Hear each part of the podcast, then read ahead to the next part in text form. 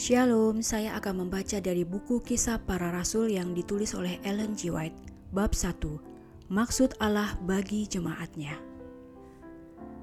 Jemaat adalah alat yang ditentukan oleh Allah untuk keselamatan manusia. Jemaat itu telah diorganisasikan untuk pelayanan, dan tugasnya ialah membawa kabar Injil ke seluruh dunia.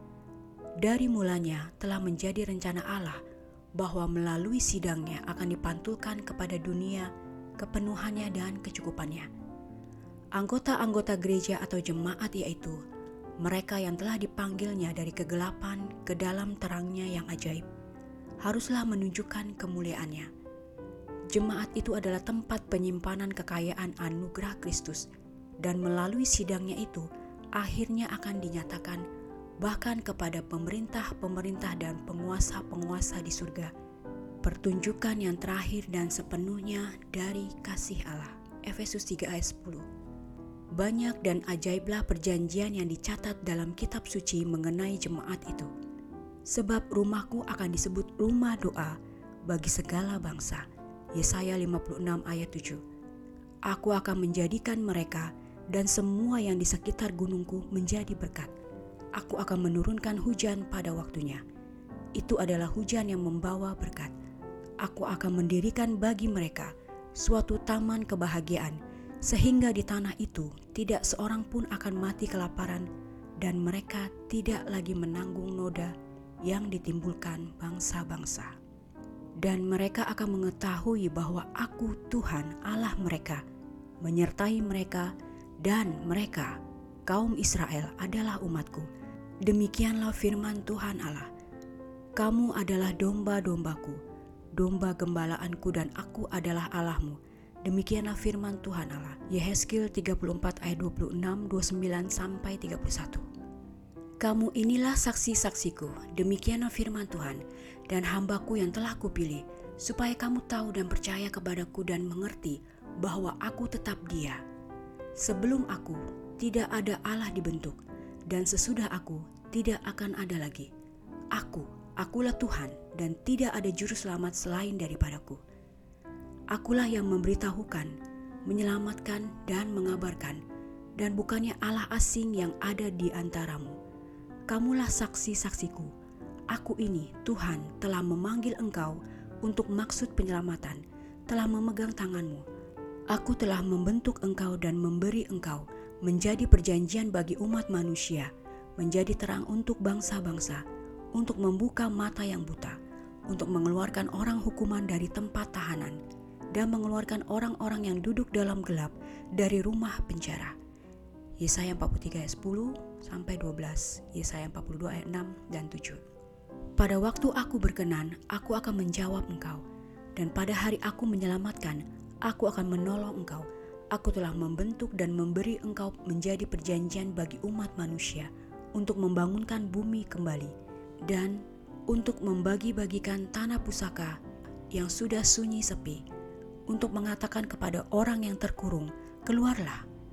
kepada orang-orang yang ada di dalam gelap, "Tampillah!" di sepanjang jalan mereka seperti domba yang tidak pernah kekurangan rumput, dan di segala bukit gundul pun tersedia rumput bagi mereka mereka tidak menjadi lapar atau haus. Angin hangat dan terik matahari tidak akan menimpa mereka, sebab penyayang mereka akan memimpin mereka dan akan menuntun mereka ke dekat sumber-sumber air. Aku akan membuat segala gunungku menjadi jalan dan segala jalan rayaku akan kuratakan. Bersorak-sorailah, hai langit, bersorak-soraklah, hai bumi dan bergembiralah dengan sorak-sorai, hai gunung-gunung Sebab Tuhan menghibur umatnya dan menyayangi orang-orangnya yang tertindas. Sion berkata, Tuhan telah meninggalkan aku dan Tuhanku telah melupakan engkau. Lihat, aku telah melukiskan engkau di telapak tanganku. Tembok-tembokmu tetap di ruang mataku. Yesaya 49 ayat 8 sampai 16. Jemaat itu adalah benteng Tuhan, kota perlindungannya, yang dipertahankannya dalam dunia yang memberontak. Sesuatu pengkhianatan kepada jemaat adalah pengkhianatan kepadanya yang telah membeli manusia dengan darah anaknya yang tunggal. Dari permulaannya, jiwa-jiwa yang setia telah membentuk jemaat Tuhan di dunia ini. Dalam setiap saat, Tuhan telah mempunyai penjaganya yang telah membawa suatu saksi yang setia kepada generasi di mana mereka hidup. Penjaga-penjaga ini memberikan pekabaran amaran. Bila mereka dipanggil untuk meletakkan baju jirah mereka, orang-orang lain mengambil pekerjaan itu. Allah membawa saksi-saksi ini ke dalam hubungan perjanjian dengan dirinya mempersatukan jemaat di dunia ini dengan jemaat di dalam surga. Ia telah mengirimkan malaikatnya untuk melayani sidangnya dan pintu neraka tidak sanggup menang terhadap umatnya. Selama abad-abad penganiayaan, pertentangan, dan kegelapan, Allah telah menunjang sidangnya. Tidak sesuatu awan telah jatuh atasnya yang ia tidak disediakan untuknya. Tidak sesuatu kekuatan yang menentang yang telah bangkit itu melawan pekerjaannya yang tidak dilihatnya. Semuanya telah terjadi sebagaimana telah dinubuatkannya. Ia tidak meninggalkan sidangnya, tetapi telah menemukan dalam deklarasi nubuatan apa yang akan terjadi dan apa yang diilhamkan kepada nabi-nabi untuk diramalkan telah terjadi. Segala maksudnya akan digenapi, hukumnya disatukan dengan tahtanya, dan tidak ada kuasa kejahatan dapat membinasakannya Kebenaran diilhamkan dan dijaga oleh Allah dan itu akan menang atas segala pertentangan. Selama zaman kegelapan, kerohanian jemaat Allah telah menjadi sebuah kota yang didirikan di atas bukit. Dari zaman ke zaman, dari generasi ke generasi, ajaran surga yang asli telah disingkapkan di dalamnya. Walaupun ia tampak lemah dan berkekurangan, namun jemaat adalah tumpuan tujuan di mana Allah memberikan perhatiannya yang sungguh-sungguh. Itulah pertunjukan rahmatnya. Dalamnya ia bersuka untuk menyatakan kuasanya untuk mengubah hati. Dengan apa? Tanya Kristus. Hendaknya kita membandingkan kerajaan Allah itu. Atau dengan perumpaan manakah hendaknya kita menggambarkannya? Markus 4 ayat 30. Ia tidak dapat menggunakan kerajaan-kerajaan dunia sebagai suatu persamaan. Dalam masyarakat, ia tidak mendapat apa-apa untuk membandingkannya Kerajaan-kerajaan dunia memerintah oleh pengaruh kuasa jasmani, tetapi dari kerajaan Kristus, tiap-tiap senjata jasmania, setiap alat paksaan akan ditiadakan. Kerajaan ini akan mengangkat dan memuliakan kemanusiaan. Jemaat Allah adalah istana hidup suci, diisi dengan berbagai-bagai pemberian dan diberkati dengan roh suci. Anggota-anggota akan mendapat kebahagiaan mereka dalam kebahagiaan orang-orang yang mereka tolong dan berkati. Ajaiblah pekerjaan yang Allah maksudkan untuk dilaksanakan melalui sidangnya, supaya namanya boleh dimuliakan. Suatu lukisan tentang pekerjaan ini diberikan dalam khayal Yehezkiel mengenai sungai penyembuhan. Sungai ini mengalir menuju wilayah timur dan menurun ke Araba Yordan dan bermuara di Laut Asin. Air yang mengandung banyak garam dan air itu menjadi tawar sehingga ke mana saja sungai itu mengalir, segala makhluk hidup akan berkeriapan di sana dan akan hidup. Ikan-ikan akan menjadi sangat banyak, sebab ke mana saja air itu sampai, air laut di situ menjadi tawar dan ke mana saja sungai itu mengalir, semuanya di sana hidup. Pada kedua tepi sungai itu tumbuh bermacam-macam pohon buah-buahan yang daunnya tidak layu dan buahnya tidak habis-habis. Tiap bulan ada lagi buahnya yang baru sebab pohon-pohon itu mendapat air dari tempat kudus itu. Buahnya menjadi makanan dan daunnya menjadi obat. Yehezkiel 47 ayat 8 sampai 12. Dari permulaannya Allah telah bekerja melalui umatnya untuk membawa berkat kepada dunia. Kepada bangsa Mesir kuno, Allah menjadikan Yusuf mata air kehidupan. Melalui ketulusan Yusuf, kehidupan segenap bangsa dilindungi. Melalui Daniel, Allah menyelamatkan kehidupan semua orang yang lalim di Babel. Dan kelepasan ini adalah sebagai sasaran pelajaran-pelajaran. Mereka melukiskan berkat rohani yang dipersembahkan kepada dunia oleh hubungan dengan Allah yang disembah oleh Yusuf dan Daniel. Masing-masing orang yang dalam hatinya Kristus tinggal akan menunjukkan kasihnya kepada dunia adalah pekerja bersama-sama dengan Allah membawa berkat bagi manusia sementara ia menerima dari juru selamat rahmat untuk dibagikan kepada orang lain. dari dirinya sendiri akan mengalir pasang dari kehidupan rohani. Allah memilih Israel untuk menyatakan tabiatnya kepada manusia. Ia mengingini mereka untuk menjadi mata air kehidupan kepada dunia. Kepada mereka telah dipercayakan ramalan surga, kenyataan kehendak Allah. Pada hari-hari permulaan dari bangsa Israel, bangsa-bangsa dunia melalui praktik yang jahat telah kehilangan pengetahuan akan Allah. Mereka telah sekali mengenal Dia tapi sebab mereka tidak memuliakan Dia sebagai Allah atau mengucap syukur kepadanya. Sebaliknya, pikiran mereka menjadi sia-sia dari hati mereka yang bodoh dan gelap. Roma 1 ayat 21. Meskipun demikian, dalam kemurahannya Allah tidak menghapus mereka. Ia merencanakan untuk memberikan kepada mereka suatu kesempatan untuk berkenalan dengan Dia melalui umat pilihannya Melalui ajaran upacara pengorbanan, Kristus harus ditinggikan di hadapan segala bangsa, dan semua orang yang mau memandang kepadanya harus hidup. Kristus adalah dasar kehidupan orang Yahudi.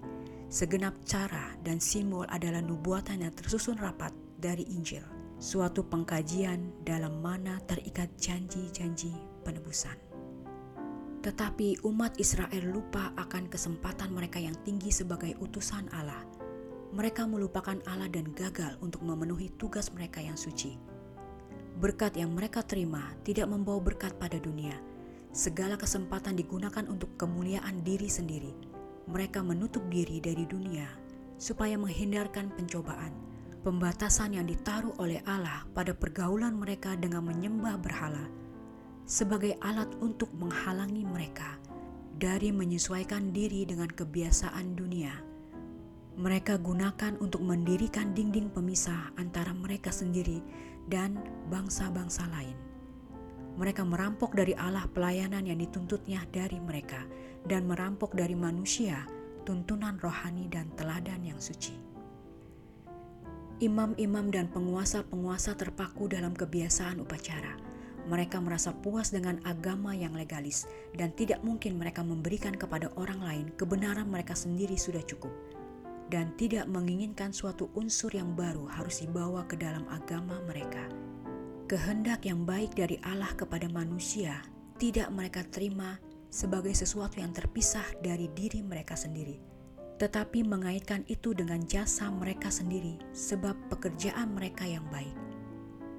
Iman yang bekerja oleh kasih dan menyucikan jiwa tidak mendapat tempat bagi persatuan dengan agama orang Farisi yang terbuat dari upacara dan perintah manusia. Tentang Israel, Allah menyatakan, "Namun aku telah membuat engkau tumbuh sebagai pokok anggur pilihan, sebagai benih yang sungguh murni. Betapa engkau berubah menjadi pohon yang berbau busuk, pohon anggur liar." Yeremia 2 ayat 21. Israel adalah pohon anggur yang riap tumbuhnya, yang menghasilkan buah. Hosea 10 ayat 1. Maka sekarang, hai penduduk Yerusalem, dan orang Yehuda, adililah antara aku dan kebun anggurku itu. Apakah lagi yang harus diperbuat untuk kebun anggurku itu yang belum kuperbuat kepadanya? Aku menanti supaya dihasilkannya buah anggur yang baik. Mengapa yang dihasilkannya hanya buah anggur yang asam? Maka sekarang aku mau memberitahukan kepadamu apa yang hendak kulakukan kepada kebun anggurku itu. Aku akan menebang pagarnya, sehingga kebun itu dimakan habis, dan merubuhkan temboknya, sehingga kebun itu diinjak-injak. Aku akan membuatnya ditumbuhi semak-semak, tidak dirantingi dan tidak disiangi sehingga tumbuh putri malu dan rumput. Aku akan memerintahkan awan-awan supaya jangan diturunkannya hujan ke atasnya. Sebab kebun anggur Tuhan semesta alam ialah kaum Israel dan orang Yehuda ialah tanam-tanaman kegemarannya. Dinantinya keadilan, tetapi hanya ada kelaliman. Dinantinya kebenaran, tetapi hanya ada keonaran. Yesaya 5 ayat 3 sampai 7. Yang lemah tidak mau kamu kuatkan, yang sakit tidak kamu obati, yang luka tidak kamu balut, yang tersesat tidak kamu bawa pulang, yang hilang tidak kamu cari, melainkan kamu injak-injak mereka dengan kekerasan dan kekejaman. Yehezkiel 34 ayat 4 Para pemimpin Yahudi berpikir bahwa mereka terlalu bijaksana untuk mendapat petunjuk, terlalu benar untuk mendapat keselamatan, terlalu terhormat untuk mendapat penghormatan yang datang dari Kristus. Juru selamat berbalik dari mereka dan mempercayakan kepada orang lain kesempatan yang telah mereka sia-siakan dan pekerjaan yang mereka telah remehkan. Kemuliaan Tuhan harus dinyatakan, perkataannya harus ditegakkan. Kerajaan Kristus harus didirikan di dunia ini. Keselamatan Allah harus diketahui di kota-kota, di padang belantara, dan murid-murid itu dipanggil untuk melakukan pekerjaan yang para pemimpin kaum Yahudi telah gagal untuk melakukannya.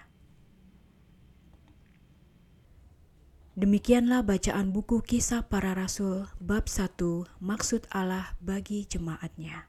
Tuhan memberkati.